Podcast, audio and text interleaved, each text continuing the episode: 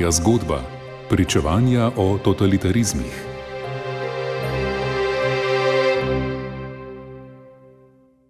Dober večer in pozdravljeni v oddaji Moja zgodba. Tokrat bomo prisluhnili predstavitvi dela Komisije Vlade Republike Slovenije za izvajanje zakona o popravi krivic in predstavitvi spletne strani Zakladnica spominov. Oboje so pred časom predstavili na študijskem centru za narodno spravo. Na predstavitvi so sodelovali magistrica Majda Pučnik Rudl, predsednica Komisije za izvajanje zakona o popravi krivic, ter Marta Keršič in Mirjam Dujo Jurjevčič, sodelavki študijskega centra za narodno spravo, ki sta hkrati avtorici in urednici spletne strani Zakladnica spominov. V vodo pa je spregovorila dr. Andreja Valič Zver, direktorica študijskega centra za narodno spravo.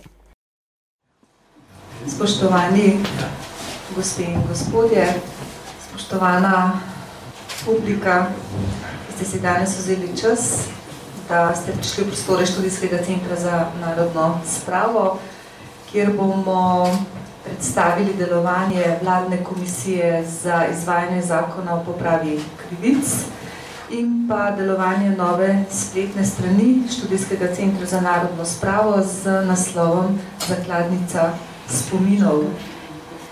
Prav lepo pozdravljam v naši sredi magistrico Majdo Pučnik-Rudel, predsednico Komisije Vlade Republike Slovenije za izvajanje zakona o popravi krivic in pa um, predstojnika oziroma vodjo sektorja za popravo krivic in pa podporo žrtvam kaznivih dejanj na Ministrstvu za pravosodje.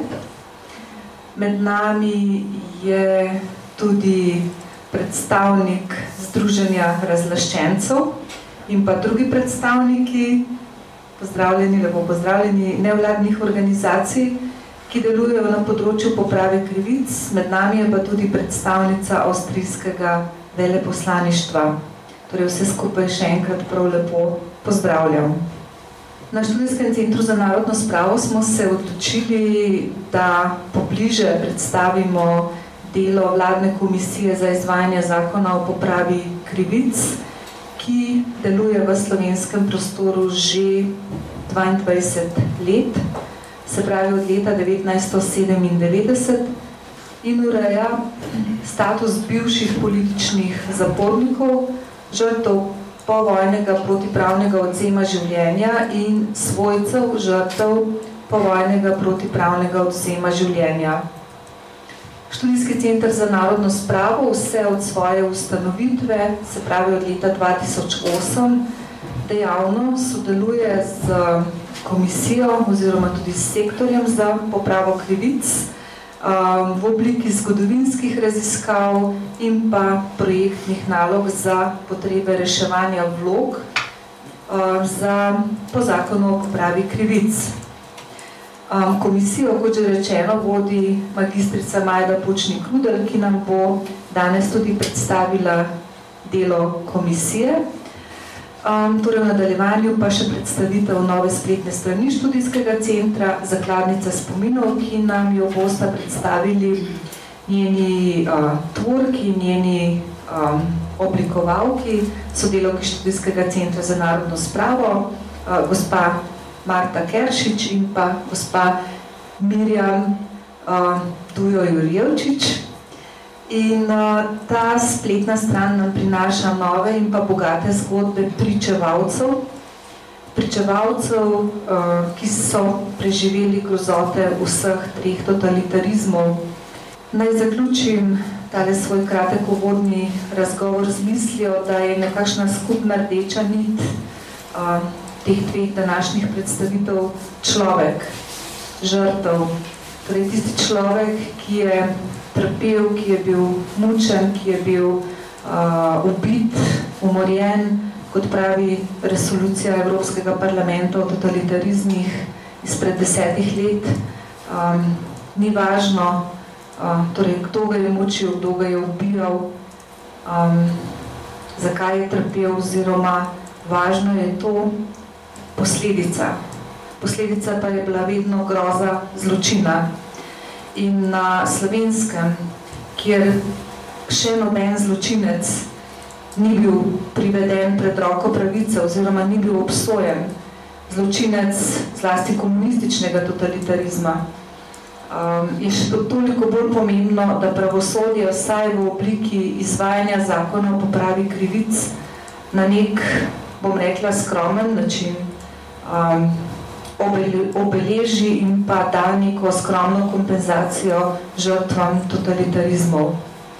Po drugi strani pa ta spletna stran, zakladnica spomina, prinaša pričevanja, ki so zato, ker pač pravosodje ni v popolni meri opravilo svoje naloge, na nek način tudi prinaša kompenzacijo žrtvam, vsaj v obliki pripovedi, pripovedi o trpljenju.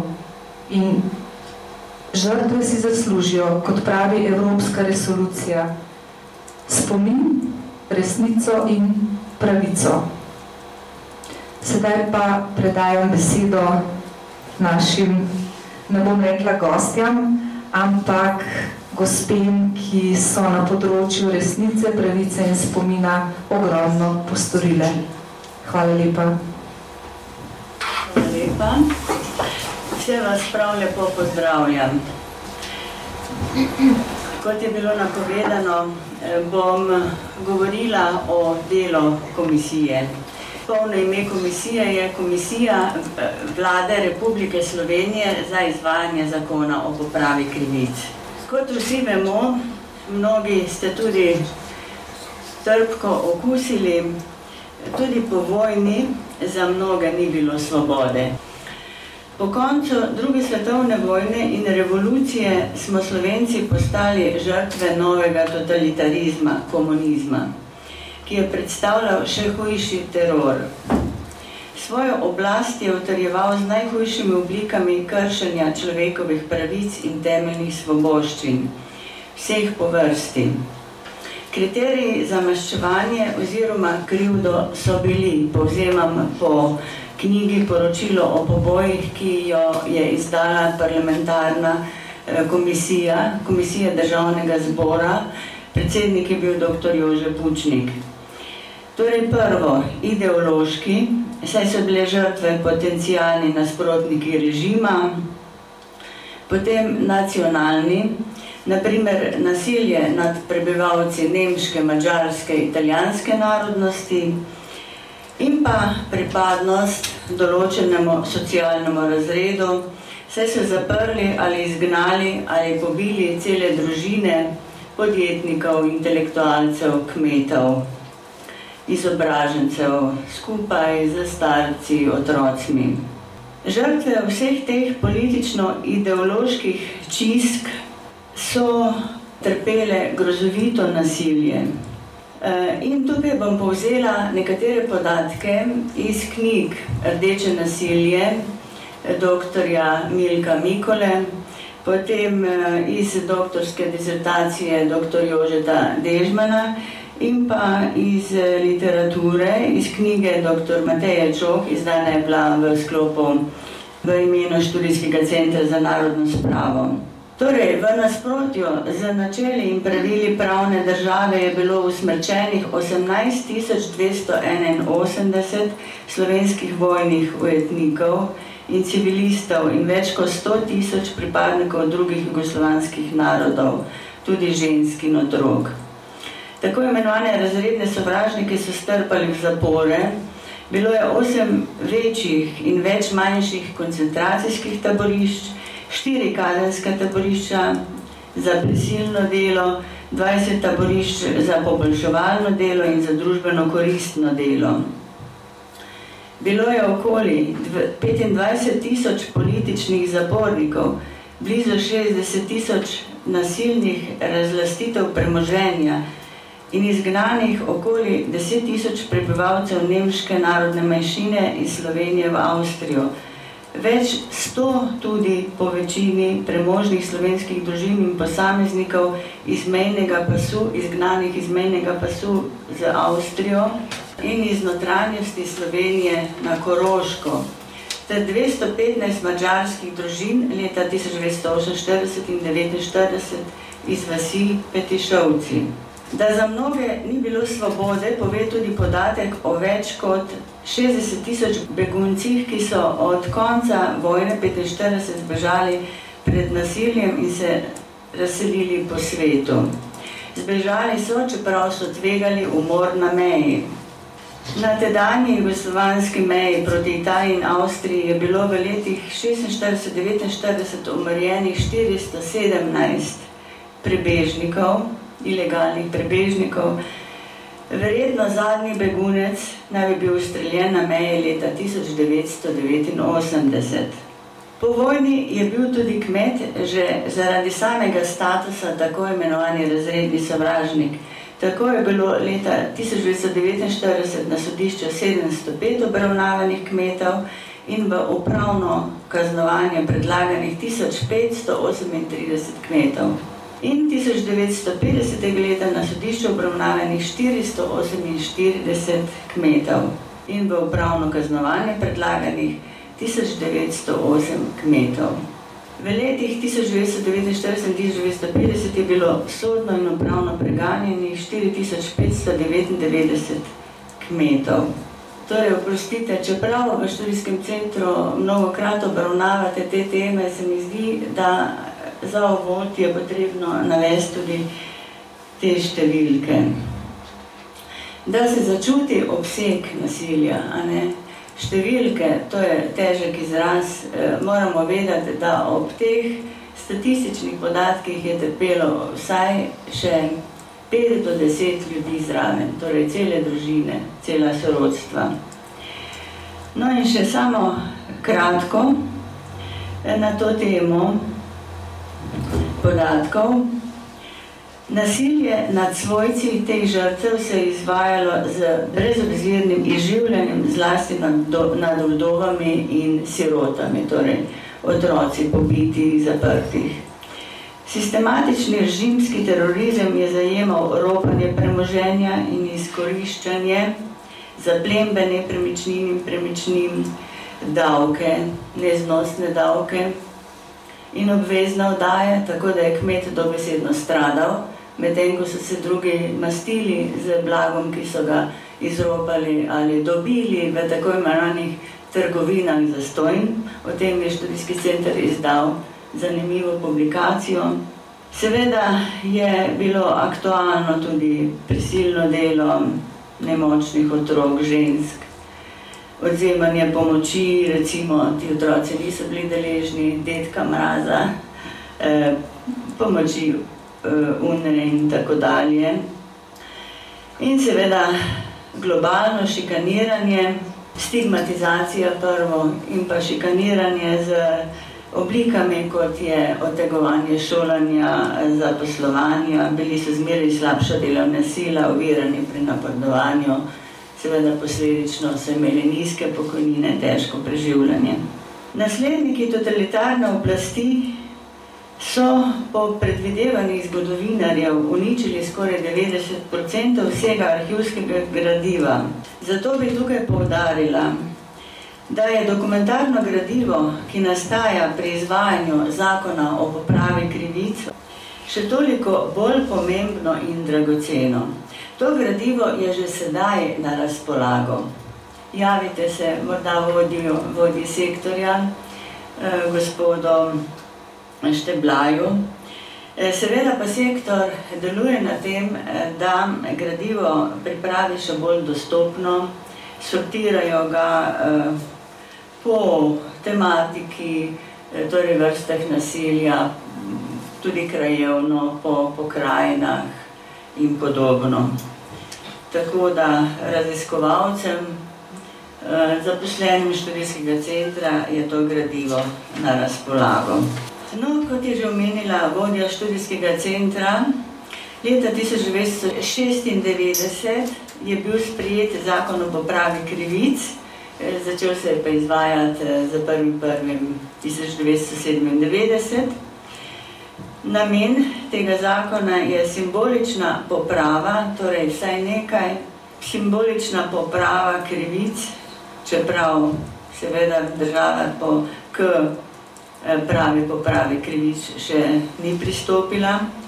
E, torej, nekako se odložiti po vojnim bivšim političnim zapornikom, bivšim političnim preganjencem in pomorjenim povojnim žrtvam, ter namen je tudi ureditev pravic do povrnitve nematerialne škode, seveda zelo simbolični zneski, ki se nikoli niso valorizirali.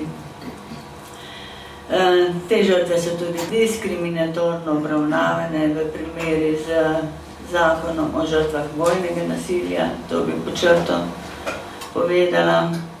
Zakon je omogočil tudi vštetje časa odzema prostosti v pokojninsko dobo in pa, kar je mnogim najbolj pomembno, to pravno rehabilitacijo in povrlitev dobrega imena. No, upravičenci zakona o popravi krivic eh, so osebe, katerim se dodeli status po zakonu o popravi krivic. Tri statuse imamo. Bivši politični zapornik, žrtev povojnega protipravnega vzema življenja in pa svojec žrtve povojnega protipravnega vzema življenja. Bivši politični zaporniki so osebe, ki so bile v času od 15. maja 1945 do 2. julija 1990 na ozemlju sedanje Republike Slovenije neupravičeno in v nasprotju z načeli in pravili pravne države zaradi razrednih, političnih in ideoloških razlogov obsojene v sodnem ali upravnem kazenskem postopku na kazen odzema prostosti ali jim je bila prostost odzeta teko teh postopkov na podlagi predpisov bivše Jugoslavije. A ne? Če je bil zakon zlorabljen na zgoraj prej omenjen način, opisan način. Tak status imajo tudi osebe, ki so bile obsojene pred sodiščem drugih republik ali federacije nekdanje Jugoslavije, če imajo te osebe v času uveljavitve tega zakona stalno prebivališče na ozemlju sedanje Republike Slovenije in so državljani Republike Slovenije.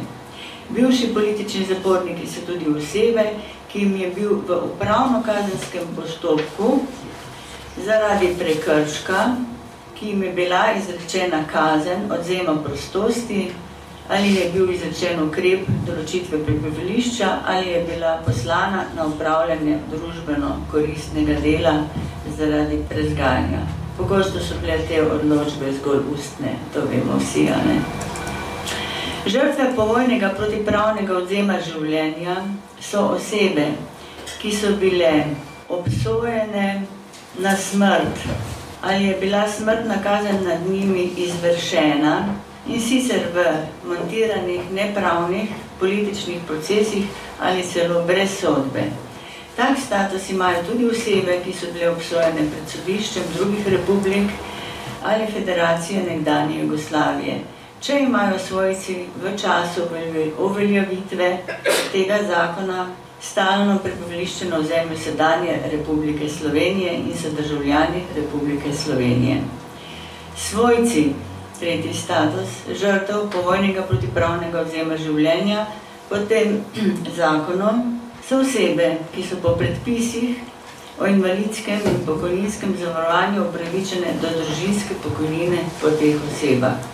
Torej, da komisija odloča o teh zadevah, je potrebno podati zahtevo Zahteva se poda na naslov komisije vlade Republike Slovenije za izvajanje zakona o popravi krivic, ki ima sedež na Ministrstvo za pravosodje Žapančičeva 3 Ljubljana.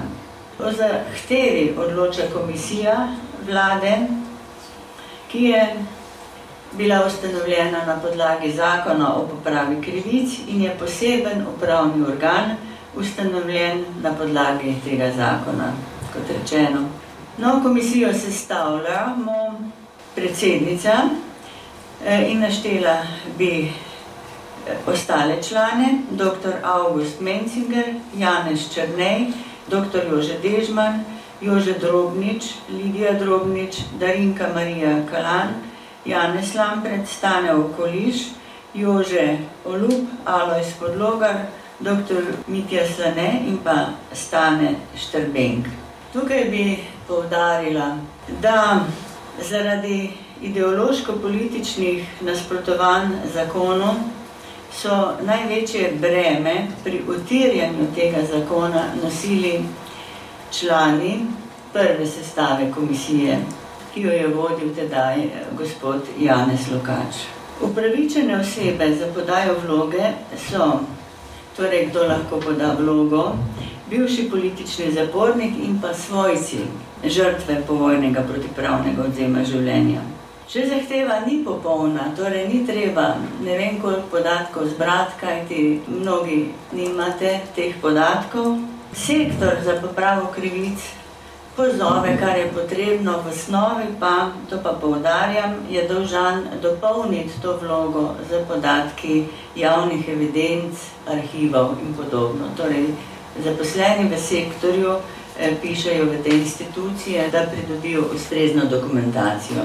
Komisija torej odloča o teh statusih, ponovno torej so statusi žrtve, status žrtve povojnega protipravnega odzema življenja, status svojca žrtve in pa status bivšega političnega zapornika.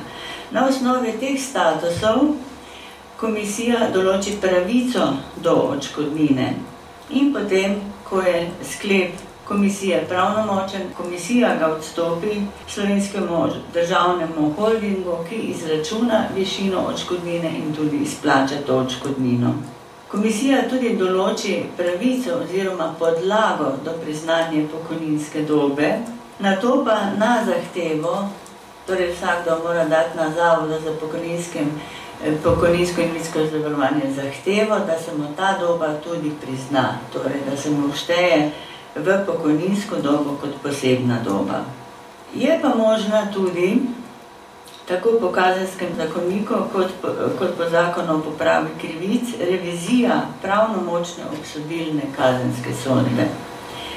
Pravnomočna obsodilna kazenska sodba je izdana v času od 15. maja 45 do 2. 7. 1990 na, na ozemlju sedanje Republike Slovenije se razen primerov, ki so navedeni v določbah velja, veljavnega zakona o kazenskem postopku, o izrednih pravnih sredstvih, lahko spremeni tudi po zahtevi za revizijo, kot rečeno, o pogojih, ki jih določa zakon o popravi krivic.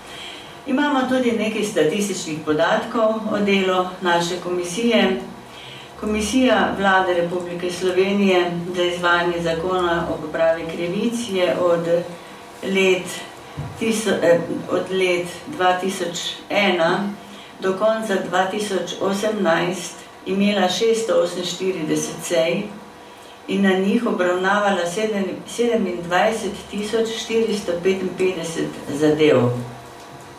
Mnoge zadeve znotraj imajo več upravičencev.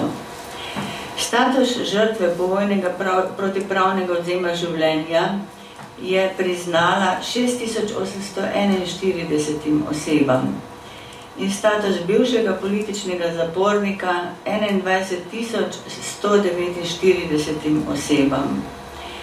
K temu pa lahko prištejemo še 15453 statusov svojca žrtve povojnega protipravnega odzema življenja.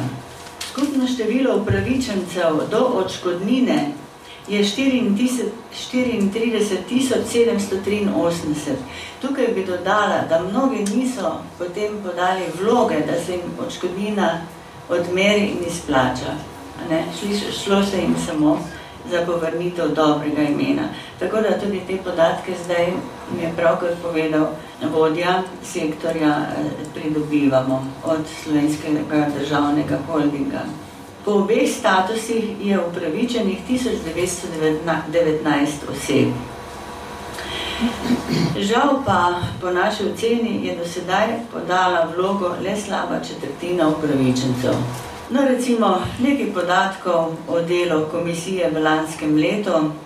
Bila so leta, ko je bilo ogromno vlog, ko smo že mislili, ko je bil velik upad vlog, so se organizirani pripadniki italijanske narodnosti in smo naprimer dobili v letih 2015-2016 eh, tam eh, okoli 4000 zahtev. Tudi je bilo precej političnih nasprotovanj podelitvi teh statusov recimo lani pa je bilo podanih 174 vlog, komisija je obravnavala 551 vlog, prav toliko je, je bilo izdanih potem tudi sklepov, sklepov priznanja statusa. No, je pa bilo zavrnjenih precej teh zahtev in sicer 47,55%. E, to bi pojasnila, če kje zasledite teh, ta podatek, češ zakaj pa to. E, zdaj obravnavamo predvsem zahteve italijanskih državljanov in e, približno pol je tistih, ki so povsem legalno odšli čez mejo z dovolilnicami. Čeprav seveda je bila zadnja prisila, ampak naš zakon je postavil določene meje, zelo smo omejeni, bil je eh, pač eh, seveda eh, zelo politično izglasovan in to je vse, kar lahko naredimo, da dodelimo status tistim, ki so odšli ilegalno čez mejo, ki so tvegali življenja. Ostali, torej ti, ki jim zavračamo, so bili obtarči, ki so odšli legalno po mednarodnih veljavnih mednarodnih pogodbah. Kot je že direktorica povdarila, stalno sodelujemo z študijskim centrom za narodno spravo, torej komisija in sektor za popravo krivic in podporo žrtvam kaznivih dejanj, zdaj je malo drugačno ime, malo daljše ime, ohranja strokovno sodelovanje z študijskim centrom za narodno spravo. Redne oblike sodelovanja predstavljajo strokovna srečanja, katerih namen je razjasnitev konkretnih zgodovinskih okoliščin, posledic in povezav, ki se izpostavijo ob reševanju zadev. Predvsem eh, problematika italijanskih beguncev, ki je bila zelo neraziskana, tu smo se najprej lotili raziskovanja, potem pa smo eh, zmogli tudi odločati o tem. Ob tem je študijski center za narodno spravo pripravil dve obsežni in dragoceni študiji, ki sta bili med osnovnimi podlagami za reševanje zahtevkov z področja Primorske. Gre za študijo zgodovinska informacija o četrtem valu selitev iz Primorske v Italijo v 50 letih, ki je bila nadgrajena za dodatnimi pojasnili, ter študijo o begunskih taboriščih v Italiji. Torej, kje so se nahajala, kako dolgo so bila odprta in podobno. V prvem delu tokratne oddaje moja zgodba predstavljamo spletno stran zakladnica spominov. Po uvodnem nagovoru dr. Andreje Valiče Zver je sledila predstavitev dela Komisije za popravo krivic, ki deluje v sklopu Ministrstva za pravosodje in ki ga je predstavila njena predsednica, magistrica Majda Pučnik Rudel. Sledi pa predstavitev spletne strani Zakladnica spominov, ki deluje v sklopu študijskega centra za narodno spravo od konca leta 2018 in je nastala v sodelovanju z Uradom za slovence v zamejstvu in po svetu. O zakladnici spominov bosta spregovorili njeni avtorici in urednici Marta Keršič in Mirjam Dujo Jurjevčič. Sedaj pa lepo zdrav tudi v najnem imenu, v bistvu kot avtorici oziroma urednici spletne strani Zakladnica spominov, ki jo bomo sedaj predstavili. In naj današnjo predstavitev začnem z mislijo ruskega pisatelja in Nobelovega nagrajenca Aleksandra Solženicina, ki pravi, da ko o zlu molčimo, in ga globoko v sebi pokopljamo, da ne bi priplavalo na površje, ga v resnici usajamo, torej ga sadimo, da se bo v prihodnosti še tisočkrat ponovilo. In če govori Solženicin o usajanju zla, kadar o njem učimo, želi biti zakladnica spominov na sprotje tega molka in dati možnost spregovoriti vsem tistim, ki si tega želijo, ki želijo s svojo pripovedjo stopiti v polje javnega in ki na tak način tudi skrbijo, da se zlo v prihodnosti ne bi več ponovilo. Pred nas torej z govorjano besedo stopajo naši pričevalci, ki so bili pripravljeni spregovoriti o sebi in svojo zgodbo deliti z nami. Naj se jim na tem mestu tudi najlepše zahvalim za vso njihovo pripravljenost, iskrenost, dobro voljo, pogum in pa predvsem zaupanje, ki so nam ga s tem izkazali. Zakladnica spominov je spletna stran, na kateri se objavljajo video, zvočna in pisna pričevanja slovencev, ki so svoje zgodbe osebne in družinske zaupali širšem krogu ljudi. Spletna stran je nastala konec leta 2018, ko je študijski center za narodno spravo praznoval eh, deseto obletnico delovanja. V tem desetletju smo zbrali približno 400 pričevanj v video, zvočnem in pisni obliki in jih tako tudi hranimo v arhivu pričevanj študijskega centra. Pričevanja predstavljajo seveda bogato gradivo za raziskovalne, študijske in izobraževalne namene. Postavitev spletne strani pa je bila podprta strani Urada Vlade Republike Slovenije za Slovence v zamestju po svetu, saj smo uh, bili uspešni na njihovem razpisu. Uh, slovenski prostor so v 20. stoletju zaznamovali trije totalitarni režimi, fašizem, nacionalsocializem in komunizem. Za dosego ciljev niso izbirali sredstev. Pričevanja se tako nanašajo na obdobje eh, na čas 20. stoletja, predvsem obdobje druge svetovne vojne, prvih povojnih let in segajo ti spomini vse do današnjih dni. Na ogled so pa pričevanja slovencev in slovenk Severne in Južne eh, Amerike, Evrope, zamestskih slovencev, letos pa smo začeli tudi z objavo pričevanj slovencev, ki živijo v matični domovini Sloveniji. Poleg korisa medvojnega časa je veliko spominov vezanih na prva povojna leta. To je bil ta čas za, za mnoge civiliste pomenil začetek begunske poti, za domobrance, ki so bili vrnjeni, je pomenila vrnitev gotovo smrt, za slovence, ki pa so ostali doma, pa je bil to čas brezpravja, policijske države, ovajanja, vohunjanja, kratenje svobode misli in gibanja, uničevanja zasebnega kmetijstva, obrti, podjetništva, nacionalizacije, boja proti cerkvi in še mnogih pojavnih oblik, ki so lasne totalitarnim in avtoritarnim sistemom. O vsem tem pa govorijo tudi ta naša pričevanja. In če nekako nadaljujem tisto, kar je Mirjam povedala, v bistvu iz povedanega uh, sklepamo, da se je življenje mnogih posameznikov uh, v javnosti razlikovalo od tistega, kar so živeli doma, za domačimi zidovi. To se pravi, da so morali živeti nekakšno dvojno vlogo. Eno v krogu svoje družine in drugo uh, v krogu službe, v krogu uh, prijateljev in uh, ostalih, s katerimi so se družili. Vse to nesvobodno okolje je na ljudeh pustilo dolgotrajne posledice in pa globoke rane, travme, ki se zelo počasi uh, zdravijo. Zato so tudi pričevanja, ki so tukaj na ogled, na nek način uh, namenjena ozaveščanju, hkrati tudi sočutnemu spremljanju in pa spraševanju vsakega od nas, ki pričevanja posluša. Ob uh, njih lahko tudi bolje razumemo, do kam je pripeljala spozava na človekovo svobodo in pa zabloda teh totalitarnih ideologij. Pričevanja predstavljajo hkrati tudi dodaten zgodovinski vir, predvsem za tista obdobja oziroma za tiste temne lise, strani katerih je recimo ali dokumentarno ali gradivsko, ar, uh, arhivsko uh, gradivo uničeno in dopolnjuje tudi že objavljeno literaturo. Pomemben razlog za zbiranje pričevanj pa je tudi soočenje posameznika z lastno preteklostjo, s težkimi dogodki, ki jih je preživel, z bolečinami, spomini in travmami, ki jih je doživljal.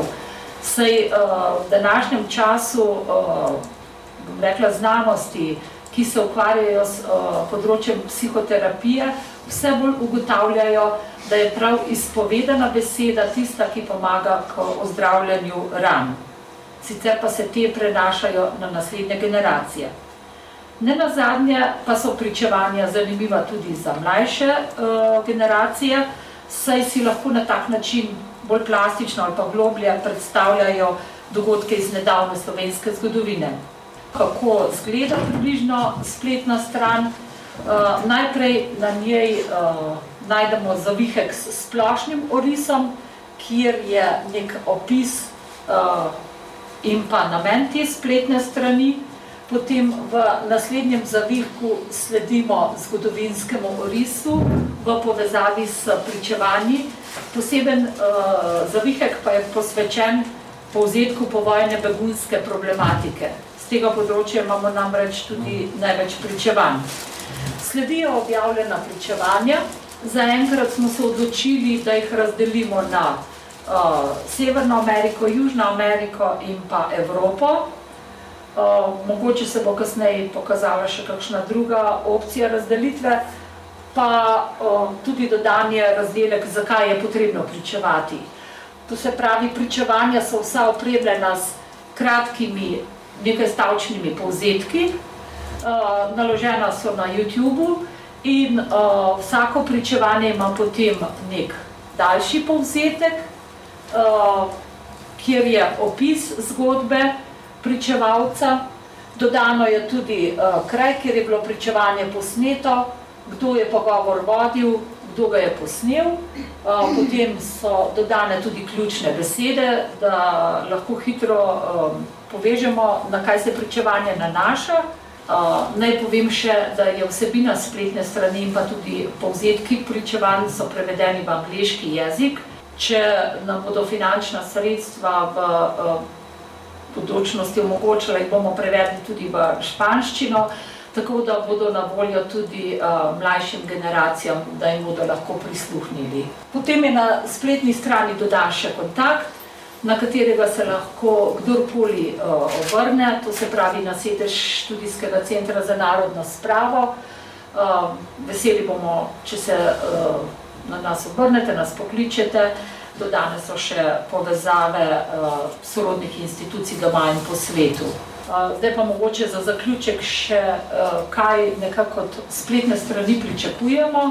Ja, od spletne strani pričakujemo, da se jo bodo gledali pričevalci sami, njihovi družinski člani, sorodniki, prijatelji. Uh, priporočili smo jo in jo bomo še slovenskim skupnosti med slovenci v zamestnem po svetu primerna je pa za vzgojno-izobraževalne namene in seveda za raziskovalce, ki se s to tematiko ukvarjajo oziroma za vse, ki jih ta tematika zanima.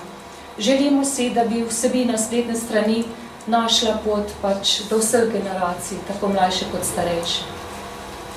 Za zaključek mogoče samo še to, da se v imenu vseh sodelavcev študijskega centra še enkrat zahvaljujemo vsem pričevalcem, ki so nam do sedaj zgodbe zaupali in hkrati vabimo tudi vse, ki bi bili to še pripravljeni storiti, da se nam v prihodnosti javijo.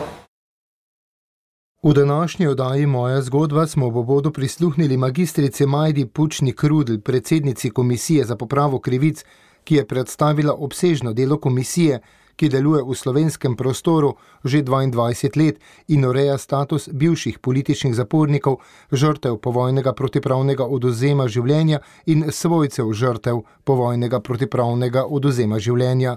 V nadaljevanju smo spoznali še spletno stran študijskega centra za narodno spravo z naslovom Zakladnica spominov, ki sta jo uredili sodelavki študijskega centra Marta Keršič in Mirjam Dujo Jurjevčič in ki nam prinaša bogate zgodbe pričevalcev, ki so trpeli zaradi nasilja treh totalitarnih režimov, fašizma, nacisocializma in komunizma. Hvala za pozornost in prijeten večer še naprej.